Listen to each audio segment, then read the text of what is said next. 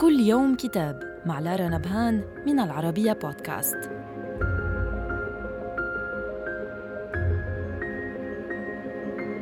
نتناول اليوم كتاب The Conceptual Development of Quantum Mechanics أو التطور المفاهيمي لميكانيك الكم من تأليف البروفيسور ماكس جامر المختص في تاريخ الفيزياء وفلسفتها.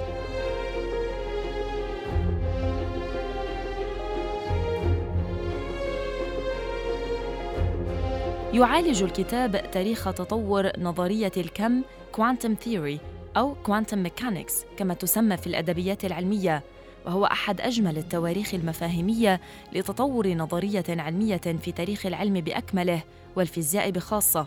بل لعلها النظرية الأكثر غرابة وإشكالية لفرط ما انطوت عليه من نتائج تخالف البداهة العامة على شاكلة قطة شرودنجر نصف الحية ونصف الميتة ومفهوم أينشتاين عن الفعل الشبحي من بعد ثم المفهوم الغريب عن التشابك entanglement الكمومي وكذلك مفهوم التراكب الكمومي ذلك المفهوم الذي ستكون له فاعلية أساسية في تطوير الحواسيب الكمومية التي ستعيد تشكيل حقل الحوسبة في عصرنا الحالي.